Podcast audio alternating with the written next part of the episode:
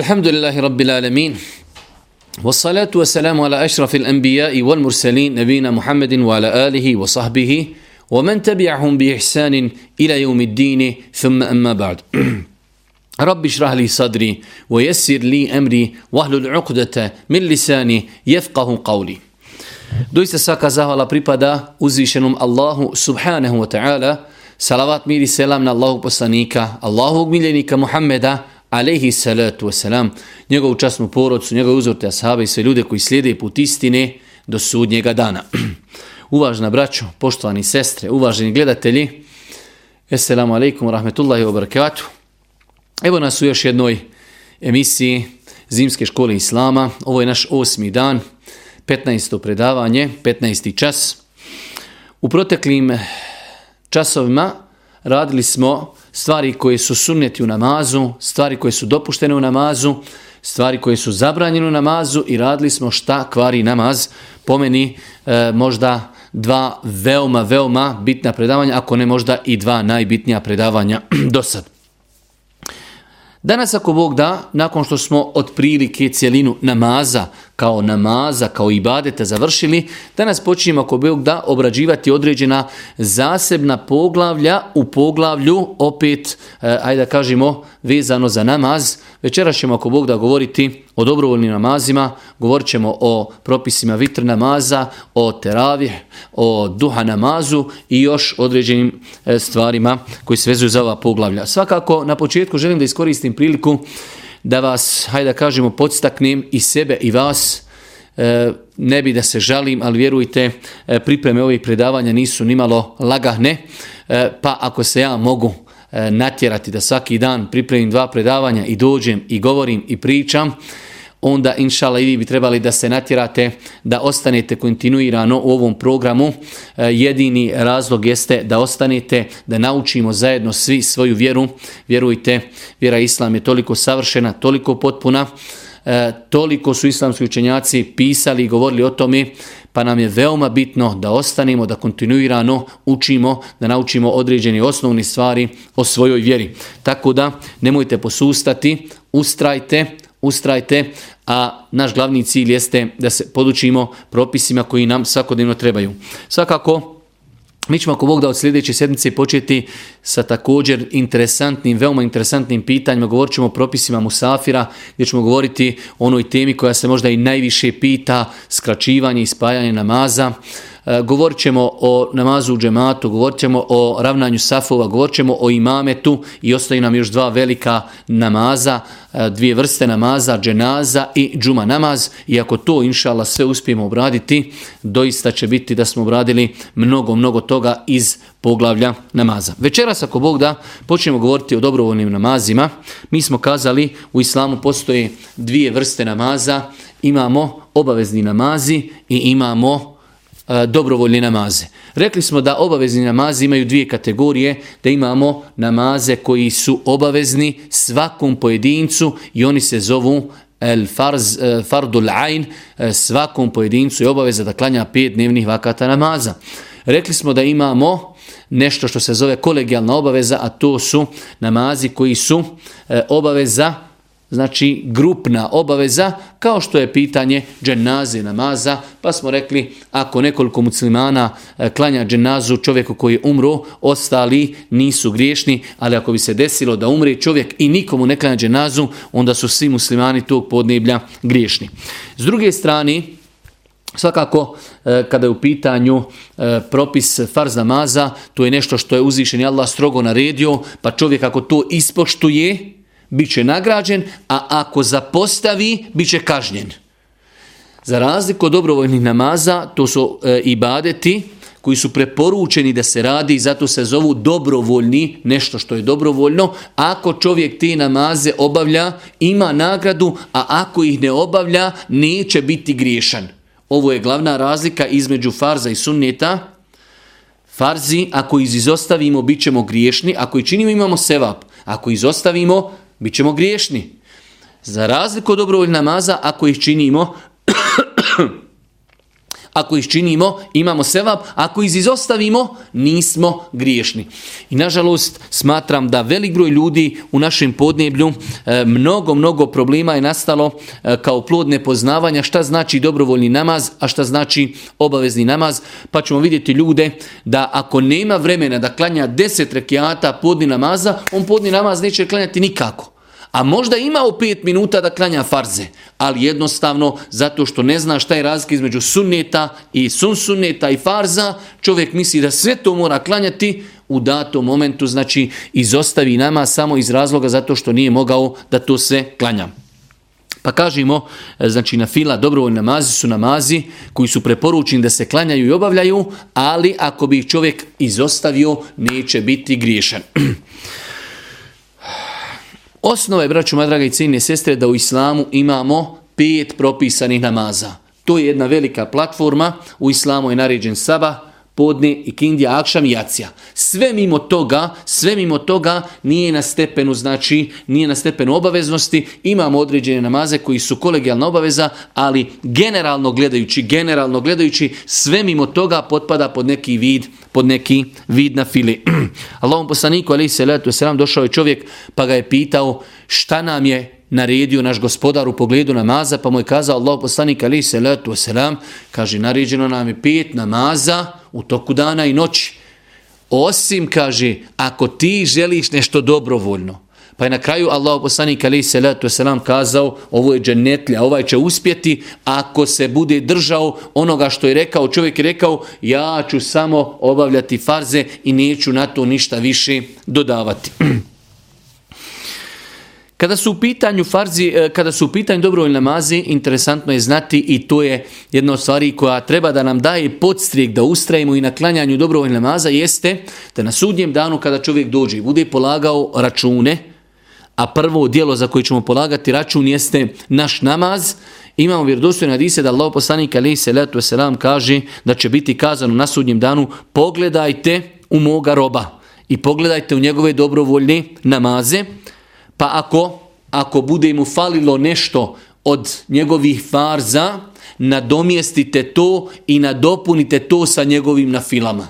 Znači na sudnjem danu kada čovjek dođu i kada ga budu obračunavali, mi imamo s druge strane vjerodostojan hadis da Allah poslanik ali salatu wasalam kaže ima ljudi koji završe namaz i od namaza im ne bude upisano osim desetina. Znači čovjek je klanjao, čovjek je ispunio uvjete, šartove, sve, ali nije bio koncentrisan na namaz, pa mu od namaza upišu desetinu. Devet desetina fali. Pa na sudnjem danu je prilika velika da se čovjeku one rupe ili nedostaci u farzima da se popune sa nafilom. Pa bi zato čovjek trebao da se trudi u toku dana i noći da što više klanja dobrovoljnih namaza na fili. Mi ako pogledamo u na filu namaz, e, generalno vidjet ćemo da imamo na file koji su općeg karaktera i imamo na file koje su vezane za određene, za određene razloge. Jedan, jedna od nafila koja je vezana za, e, za određene razloge jestu, jesu dnevni nafile, takozvani potvrđeni sunneti koji se vezuju uz farze namaze. Imamo opću na filu, primjer radi da čovjek e, završio je podni namaz, klanjao je i sunnete i farze i prije ikindi jednostavno e, osjetio je neku lagodnost, u svojoj je kući, ustao je abdestio i klanjao je dva rekiata opće na fili. Jednostavno želi da klanja.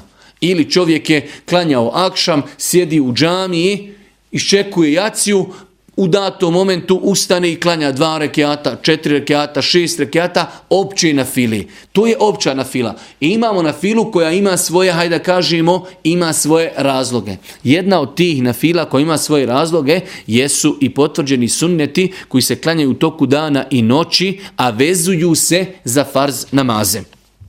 Prva stvar koju bi trebao da zna čovjek vjernik jeste da Allah poslanik alaihi salatu wasalam kazao u vjerodostojnom hadisu koji bilježi ima muslim, Ko klanja u toku dana 12 rekiata dobrovoljnog namaza na file, Allah Đelšanu će mu zbog toga nagraće ga i izgraće mu kuću u džennetu. Znači 12 rekiata na file ko klanja u toku dana i noći uz farz namaze, bit će mu sagrađena kuća u džennetu. Kažu islamski učenjaci da ti 12 rekiata e, ide sljedećim resporedom, da se klanjaju dva rekiata suneta prije sabaha. Dva rekiata prije sabaha četiri rekiata prije podni, dva rekiata poslije podni. Imali smo saba, podni, znači sve do sad je osam.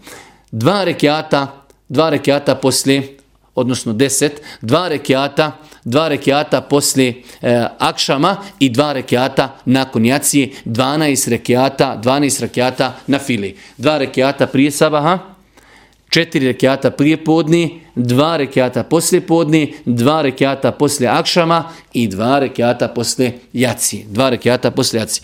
Ti 12 rekiata, inšala po ispravnom mišljenju, to su ti 12 rekiata na koji se odnose riječi Božih poslanika, ali se letu wasalam, ko klanja 12 rekiata dobrovoljnog namaza na fili u toku dana mimo farza, uzvišeni Allah subhanahu wa ta'ala mu izgradi kuću u džennetu. Dobro. Mi ćemo kratko, inšala, i rezimiramo progovoriti o svim ovim nafilama e, nekoliko propisa i nekoliko e, stvari koji se vezuju za ove nafile. Prva stvar, e, sabahski sunneti.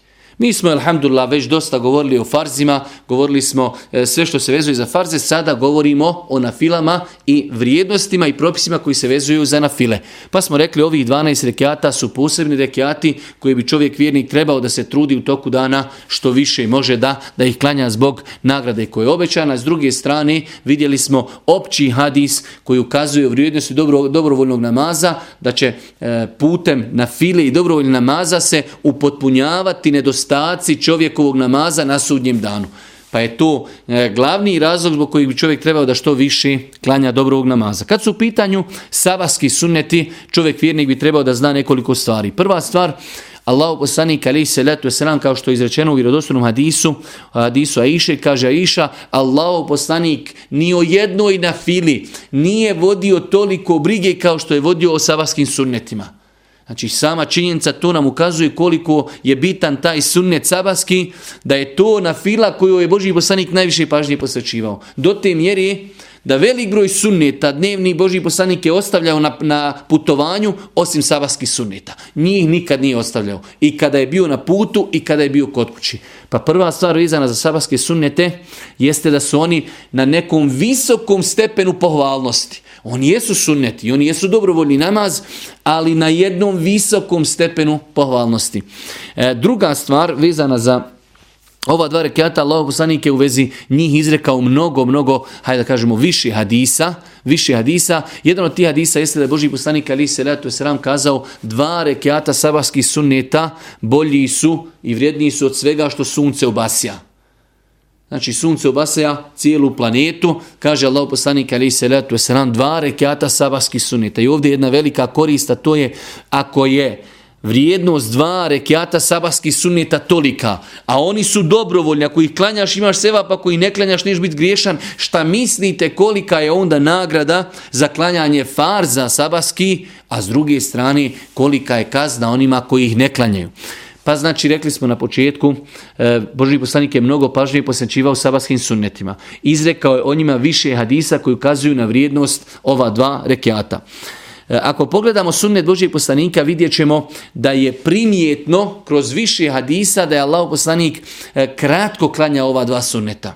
U nekim hadisima Iša kaže čak sam se pitala je li Allah poslanik u njima imao vremena proučiti fatihu. Toliko bi Boži poslanik kratko klanjao. Čak na osnovu toga kažu neki islamski učenjaci da čovjek kada klanja sabarske sunnete dovoljno da prouči samo fatihu i ne treba učiti nakon fatihe ništa. Pa znači od sunneta je e, da se od sunneta Čovjek može na, ovo, na ovim e, dva rekiata sabahskih suneta klanjati po strancu Kur'ana.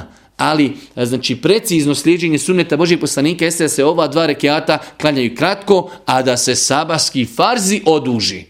Allah poslanik je, znači, običavao izuzetno dugo klanjati sabaske farze.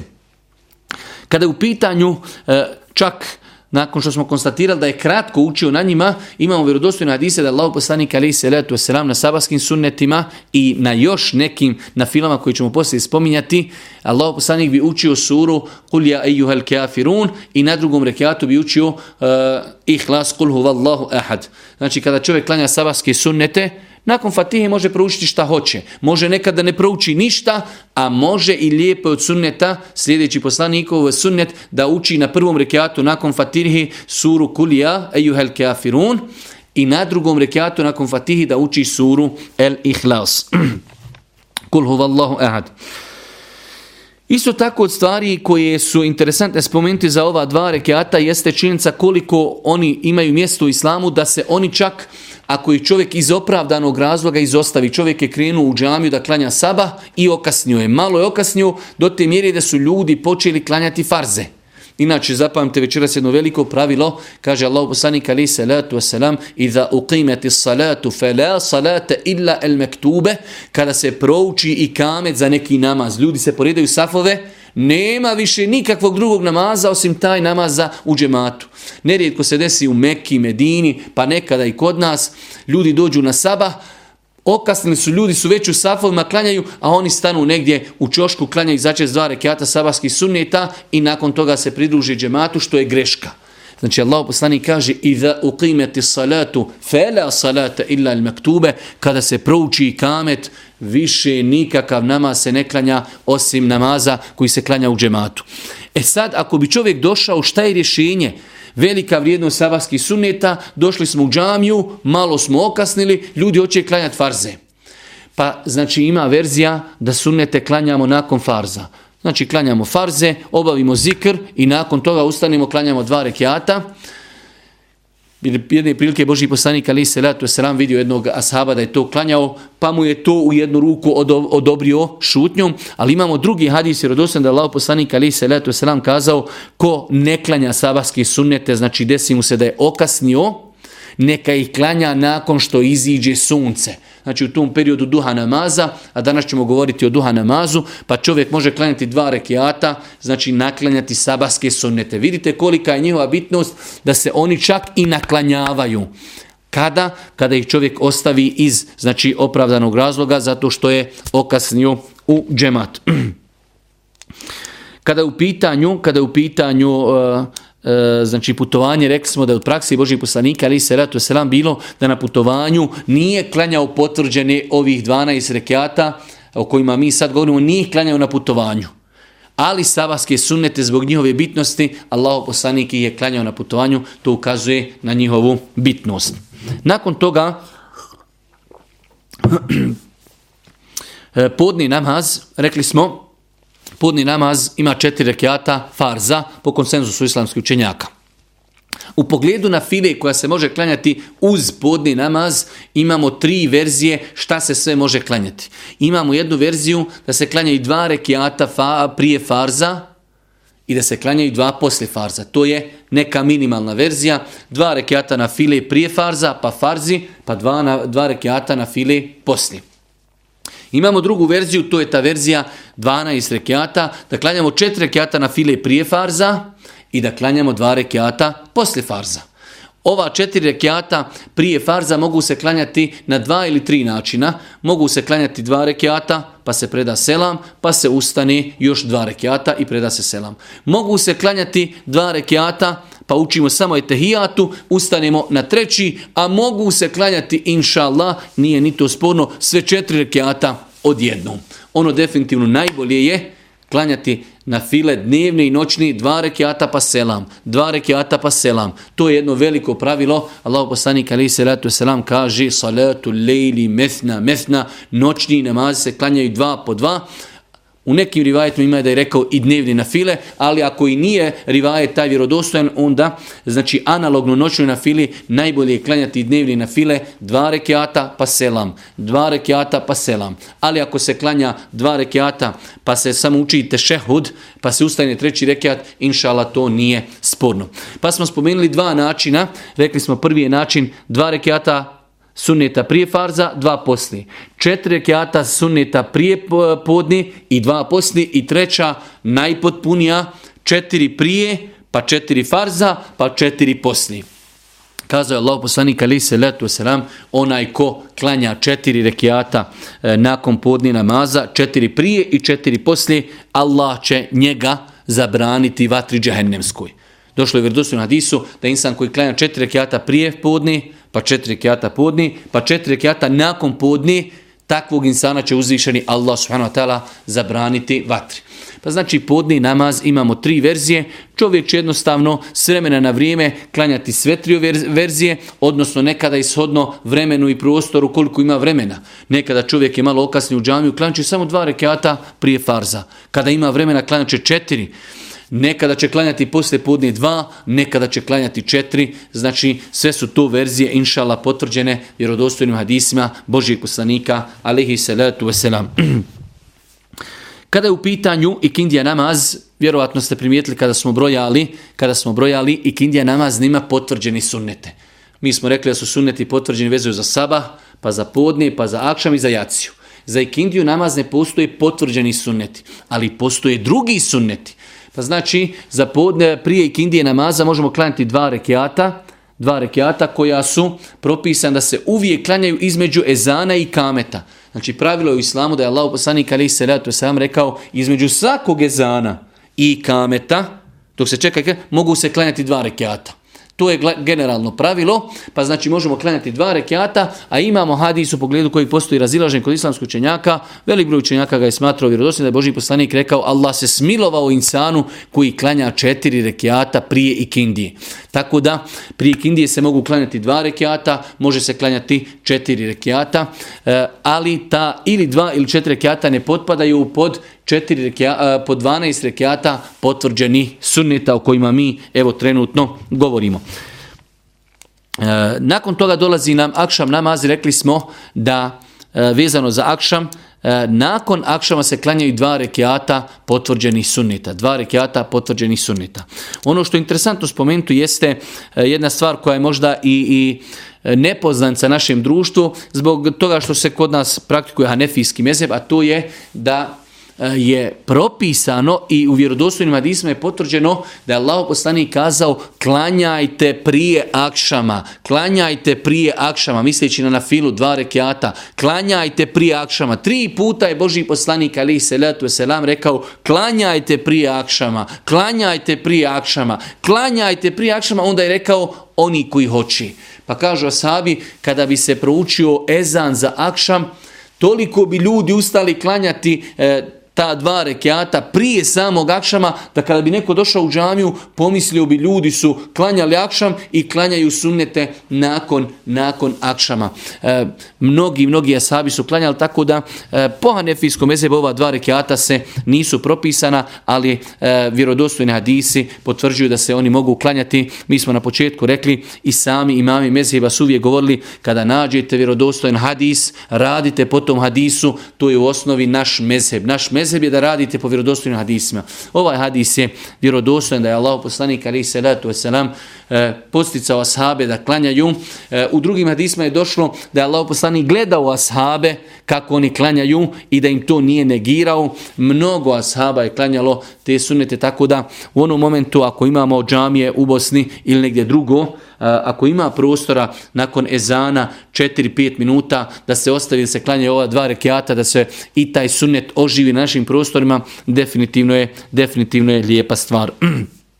Pa smo rekli, e, imamo prije akšama dva sunneta i ta dva sunneta su e, definitivno mnogo, mnogo zapostavljena na našim, na našim podnebljima. Kada odete u Meku, kada odete u Medinu, vidite da dole kada se prouči jezan, ostavi se neki 5, 7 do 10 minuta e, do ikameta za akšam, da ljudi mogu uklanjati tu na filu.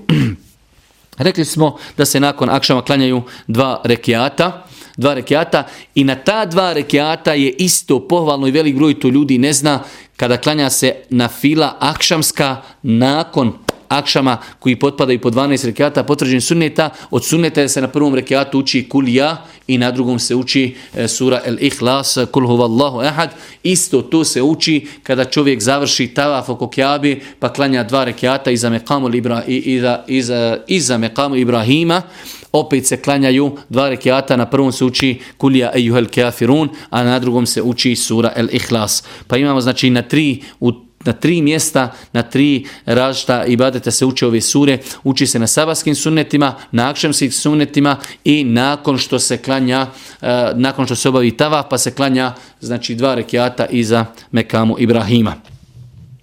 Nakon toga e, imamo jaciju namaz, rekli smo jacija namaz isto tako e, nešto slično, nešto slično, odnosno datom momentu slično i kindi namazu, prije jacije se mogu klanjati dva rekiata, zato što je rekao Boži poslanik, nakon svakog ezana do ikameta se mogu klanjati dva rekiata, ako je insan raspoložen, to je vrijeme opće na filije, može klanjati i četiri rekiata i šest rekiata, striktno da se svaku noć klanja po četiri rekiata, ne postoji neko jako utemeljenje u sunetu Božijeg poslanika. Može se klanjati četiri bez ikakvih problema, ali ne treba ljude e, obavezivati da to bude svaku noć tako. Treba ljude učiti e, toleranciji, može se klanjati dva, da se klanjaju kao tahijetul mešćid, može se klanjati dva rekiata zato što je to e, sunne da je Boži poslanik rekao između izana i kameta se klanjaju dva rekiata. Može se klanjati i četiri, a može se klanjati i šest. Može se klanjati šest i više, sodno koliko ima vremena od ezana i kamet, do i kameta, a nakon, nakon jacije, nakon jacije rekli smo da se klanje dva rekiata koji potpada i pod kategoriju 12 rekiata potvrđenih sunnita. Na taj način mi smo inšala evo kratko rezimirano u nekim osnovnim crtama spomenuli osnovne stvari, osnovne propise koji se vezuju za ovu na filu, a to su potvrđeni, potvrđeni sunneti koji se klanjaju u toku dana, 12 rekiata, dva prije sabaha, četiri prije podne, dva posle podne, dva poslije akšama i dva posljaci. Za ove e, na file potvrđene sunnete vezuju se određeni propisi koji ćemo mi kratko i rezimirano bez nekog detaljca spomenuti. Ovo sve mi govorimo iz razloga što su to namazi koji nam svakodnevno su tu, svakodnevno ih klanjamo i veoma je bitno da znamo nagrade, da znamo rasporiti namaza i da znamo propise vezane za ovi namaze. Prva stvar, generalno gledajući, generalno gledajući, na filu, svaku na filu je bolje klanjati u kući nego u džamiji. Znači, generalno gledajući, iako je to kod nas zapostavljen sunnet i tekako zapostavljen sunnet, generalno gledajući bolje je klanjati na filu kod kući zbog blagoslova i bereketa. Čak je došlo u nekim hadisma da je Allah poslanik kazao, Allah Đelšanu će zbog te na file dati hajr toj kući.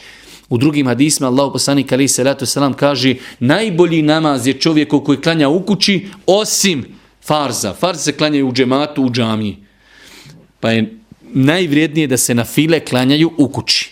Definitivno mi imamo e, mnogo ti nekih stvarčica koji treba lagano pomjerati. E, u arapskom svijetu primjer radi sa svim njihovim negativnostima, ali primjer radi kada se prouči ezan za podni namaz, ostavi se 15 minuta do ikameta, tako da čovjek može kod kuće klanjati na filu i krenuti u džamiju i doći na farze. Kod nas ako čovjek nije u džamiji, onog momenta kada se uči ezan, on ne može više pristići na namaz. U datom momentu ezan je izgubio svoju ulogu. Ezan ima prvenstvenu ulogu da ljudima se naglasi da je nastupilo namasko vrijeme, a ne da će se odma učiti učiti i kamet. U svakom slučaju, znači u vjerodostojnim hadisima potvrđeno je da se na file ovi potočeni sunneti i drugi sunneti da ih je bolje klanjati kući nego u džamiji. Ali ako i čovjek klanja u džamiji nije pogriješio i pogotovo ako čovjek zna ako dođe kući da ih neće klanjati, Baš je tako i hanefijski mezeb. Hanefijski mezeb je stava da je bolje klanjati na filu kod kući.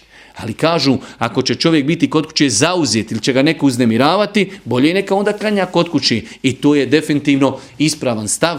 Ako čovjek zna da neće kod kuće klanjati, onda je bolje da ih klanja u džamiji ili ako zna da kod kuće nije mu ambijent onakav kakav je u džamiji. U džamiji je tišina, lijepo, dok možda kod kući e, djeca, televizija, slike i svašta nešto. Tako da, ali je generalno dobro da zapamtimo da Islam mnogo pažnje posvetuje, posvećuje porodici do te, do te mjere da znači je lijepo da čovjek odvoji dio svog namaza da ga klanja u kući. Prva stvar na taj način e, zbog bereketa kući, zbog toga da djeca vide kako roditelji klanjaju. Da, da roditelji budu svojoj djeci uzor. Da ne bude babo non stop ode u džamiju klanja, već da djeca vide kako roditelji klanjaju kod kući, da se oni povode za svojim roditeljima. Tako da je, znači, to klanjanje u kući ima svoje mnoge, mnoge koristi. S druge strane, ovi potvrđeni sunneti, rekli smo da imaju potvrđeni sunneti prije namaza, neki poslije. Pa, vrijeme, vrijeme, e, nastupanja, kada se mogu klanjati na file ove koji su prije farza od samog nastupanja namaskog vremena. Pa primjer radi, kod nas je običaj da se ezan za podne primjer radi e, da se uči u 12, a nekada zna podne biti i u pola 12. Tako da u tom slučaju, primjer radi da je čovjek došao 15 do 12 u džamiju, tada kada podni nastupa u pola 12, on tada već može nanijetiti dva rekiata koja se klanjaju prije podne i kada se još uči ezan, još će klanjati dva rekiata i to se njemu broji da je klanja u četiri rekiata. Pojenta je sva da zapamtimo da znači nastupanjem namaskog vremena nama se otvara mogućnost klanjanja na file sve do farza.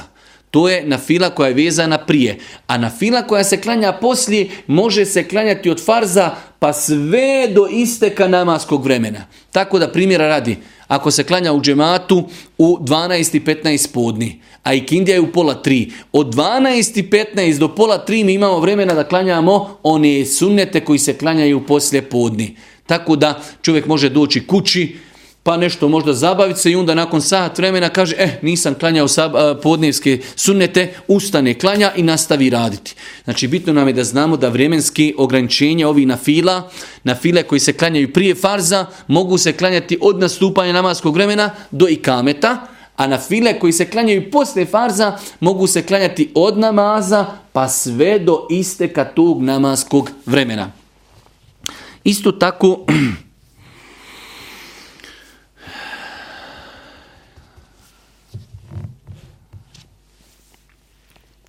Rekli smo da, da nije ispravno počinjati bilo koju na filu onog momenta kada se, kada se prouči i kamet za neki farz. I rekli smo nemoj da vas to zbuni da vidite u Mekki, u Medini ljudi dođu iz razno raznih dijelova svijeta e, počne se klanjati sabah namaz i onda vidite kako ljudi stanu klanjaju sunnete i onda se priključe džematu. Neispravno je počinjati bilo koju na filu iz početka ako je već i kamet proučen.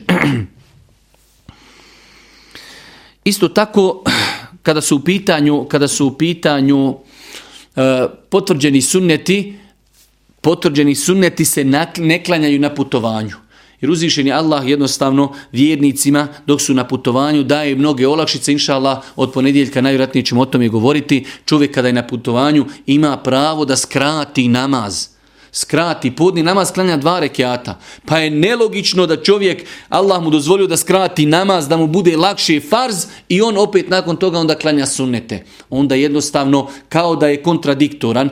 Skraćujem namaze da bi mi bilo lakše i nakon toga klanjam potvrđene sunnete. Allah poslanik kaže u hadisu kada insan otputuje ili kada se razboli, upisuje mu se nagrada koju je radio kada je bio zdrav i kada nije bio na putu. Pa primjer radi ako čovjek redovno klanja sunnete kod kući kada nije na putu. I onda negdje otputuje, pa je na aerodromu, pa je na putu, pa je u hotelima, pa na sastancima i klanja samo farze. Njemu se upisuje kao da klanja sunnete. Jer uzvišeni Allah čvrsto zna da onda je kod kući i da nije na putu, on bi klanjao te sunnete. Pa znači insan kada je na putu nije, nije znači propisano onaj nije propisano da klanja e, potvrđene sunnete osim sabahskih sunneta i poslije ćemo spomenuti osim vitara. Osim vitara. Ono što je od ovih propisa potrebno da zna vjernik jeste i ja sam mislio da ćemo večeras brže ići, e, jeste da je od sunneta i pohvalno je da se napravi, kada govorimo o potvrđenim sunnetima koji se klanjaju nakon farza, pohvalno je da se napravi, e, znači da se rastavi sunneti od farza. Ponavljamo, jedan od propisa vezan za potvrđeni sunnete, 12 potvrđenih sunneta, odnosno sunneti koji se klanjaju nakon farza, sunneti koji se klanjaju nakon podne, sunneti koji se klanjaju nakon akšama, sunneti koji se klanjaju nakon jacije. Pohvalno je kada se završi farzi da čovjek rastavi farze, da rastavi farze od sunneta. E, prenosi se u vjerodostojnom hadisu da je Boži poslanik ali se letu selam zabranio spaljanje na fila sa farzima.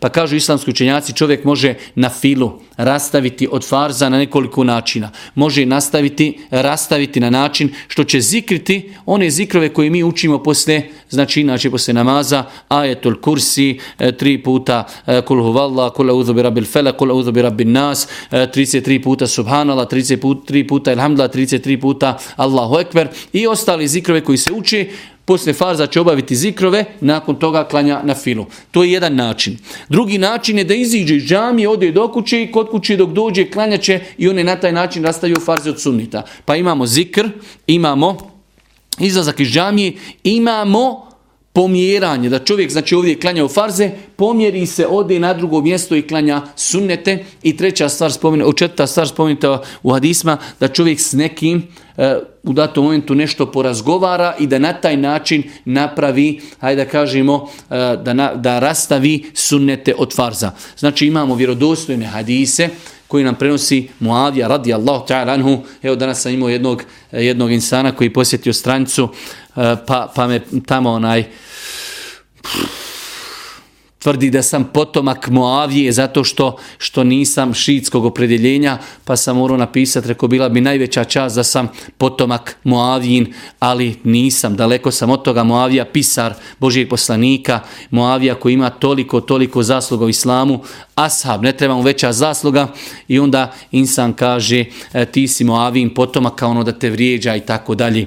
Pa Moavija radi anhu prenosi hadis od Božijeg poslanika, alihi salatu wasalam, da je Božiji poslanik za zabranio da se, da se znači spajaju sunneti i farzi. Svakako sunneti se ne mogu spojiti prednji sunneti prije namaza e, sa farzima zato što se između e, sunneta i farza uči i kamet. Ali se mogu sunneti koji se klanjaju poslije farza spojiti. I vidjet ćete kad odete u Meku, odete u Medinu, dok e, imamo haremu kaže Esselamu alaikum, Esselamu alaikum, e, Turci, Pakistanci i Bosanci odmah skoči i odmah klanjaju na filu, što je definitivno, što je je definitivno neispravno i zabranjeno. Nakon toga, braćuma draga i cijene sestre, e, ja sam u planu da počnemo sa vitr namazom, ali se bojim ako počnemo sa vitr namazom da nećemo moći završiti, pa ćemo ako Bog da početi, evo za kraj ćemo samo e, uzet ćemo jedno novo poglavlje koje nije mnogo dugo, da bi se ovaj naš čas završio na 45 minuta. Mi govorimo o E, dobrovoljnim namazima. Mi ćemo ako Bog da odgoditi da u drugom času govorimo o vitrama, jer o vitrama se zaista ima mnogo toga govoriti i da govorimo o noćnom namazu, a imamo u planu da govorimo i o duha namazu, pa nam inšala dovoljno 5 minuta do kraja ovog časa da govorimo o duha namazu, nakon što smo absorbirali znači govor o dnevnim nafilama, o potvrđenim sunnetima. E, imamo još jedno lijepo poglavlje koje je definitivno poprilično zaboravljeno u našim podnevlju, to je e, E, jutarnja na fila duha namaz. Jutarnja na fila duha namaz, e, definicija tog namaza bi bila, to je namaz koji se klanja nakon što sunce odskoči e, od, od horizonta u nekom periodu od 15 minuta, namaz koji se klanja u periodu kada sunce oskoči pa sve do predpodne namaz. Velik broj ljudi e, nikada nije čuo za tu na filu, a da ne govorimo što možda nikada u životu nisu prakticirali da to klanjaju. E, ovaj namaz ima svoju posebnost, pogotovo što je to možda i najduže vrijeme kada u toku dana nema nikakav namaz. Znači vrijeme od sabaha do podne, kada vidite od podne do, do ajacije imamo podne i kindiju, akšam i jaciju. A od sabaha do podne nemamo ništa. To je ta jedna velika praznina, pa nam je Islam popunio tu prazninu dobrovoljnim namazom koji se zove duha namaz. Njegova vrijednost je velika. Allah poslaniku više vjerodostojna Disa je potvrdio da čovjek kada osvane, na ljudskom tijelu ima 360 izglobova, čovjek bi trebao da za svaki svoj zglob dadne sadaku. Pa je Allah poslanik po oglavlje sadake proširio pa je kazao svaki tekbir je sadaka, svaki zikr je sadaka, činjenje dobra je sadaka, ukazati insanu na neko dobro je sadaka i tako dalje. Ali kaže Allah poslanik na kraju, a sve to sve te sadake, 360 sadaka koji čovjek treba da dani toku dana, zamjenjuju se sa dva rekiata duha namaza. Pa čovjek bi trebao ako ne može svaki dan, makar povremeno, da u ovom periodu i zajutra, od onog momenta kada sunce oskoči od 8 sati do 11, da nađi vremena i da klanja dva rekiata, četiri rekiata, koliko mogni, a o tome ćemo poslije govoriti koliko se duha namaz može klanjati. Bitno nam je da zapamtimo da postoji jutarnja na fila koja se zove duha namaz. Njeno vrijeme, rekli smo njena vrijednost je da ona mijenja e, 360 sadaka koji trebaju da se dadnu za ljudsko tijelo. E, njeno vrijeme je, rekli smo, od momenta kada sunce iziđe i oskoči u visini jednog koplja, a danas su tu islamski učenjaci, pa, hajde da kažemo, pretvorili u nama poznate mjere, neki 15-ak, 15 do 20 minuta. Pa ako, znači, sunce izlazi u 7, već u 7 i 20, 7 i 30 se može početi klanjati duha namaz. Pa nam je, znači, bitno da znamo za duha namaz da se može klanjati od izlaska sunca, nakon izlaska sunca 15-20 minuta, isto tako traje sve namasko vrijeme duha namaza do predpodnije namaz 15-20 minuta. Pa ako je tačno podne u 12, već znači u 11.30, 11.40, nakon toga više ne bi trebali klanjati duha namaz. Postoji jako razilažen kod islamskog učenjaka da li je propisano duha namaz da se klanja svakim danom. Inšala biznila tačno je mišljenje da se duha namaz kao e, dobrovoljni namaz može klanjati svakog dana. Sad da li će neko to prakticirati ili ne, to je njegova stvar, ali kao što svaki dan trebamo za svoje zglobove dati sadaku, tako isto svaki dan se možemo iskupiti sa duha namazom. E, najbolje vrijeme, mi smo rekli da je vrijeme namaza, duha namaza počinje od momenta kada sunce oskoči od horizonta pa do predpodni namaz. Najbolje vrijeme je da čovjek klanja pred kraj, pred kraj, znači ako je podni u 12, da to možda klanja negdje od 11 pa do pola 12. Allah poslanik je to na arapskom podneblju e, precizirao, kaže E, to je namaz euabina, pokajnika, kada mlade deve više ne mogu hodati. Mlade deve, njihovi su papci još mehki i ne mogu hodati po vrućem pjesku. I to je taj period predpodne namaz kada te mlade deve legnu na pjesak, ne mogu više hodati. Pa je to najbolji period Islamski učenjaci to otprilike e, procenjuju na neki pola sata prije podne namaza da se klanja duha namaz. To je neko najbolje, najbolje vrijeme. E, duha namaz e, minimalno se može klanjati minimalno se može klanjati dva rekiata, a najveći broj nije nije znači definisan, tako da čovjek ako klanja dva rekiata dobro radio 4, 6, 8, 10, koliko god da klanja, inšallah, on je u hajru ovaj, hadi, e, ovaj namaz, i to je inšala zadnje što ćemo kazati, ovaj, hadis, e, ovaj namaz kada se klanja, ovaj namaz kada se klanja, uči se u sebi, pošto je to, hajde da kažemo, jutarnja nafila dnevna fila, e, u sebi se uči za one koji hoće da, da klanjaju, iako ako bi čovjek i pogriješio, nije ni greška, ali ako bi čovjek i učio na glas, inšala nije napravio nikakav velik prekršaj, ali znači odsunete da se uče, u, u, učenje Kur'ana bude u sebi. U svakom slučaju to je nešto kratko i rezimirano, malo smo poremetili rasporede, ali ako Bog da u sljedećem drugom predavanju govorimo o propisima e, vitr namaza i o propisima noćnog namaza. Subhaneke, Allahumma ve bihamdike, šedun la ilaha ilan stakfiruke, ve tubu ilik.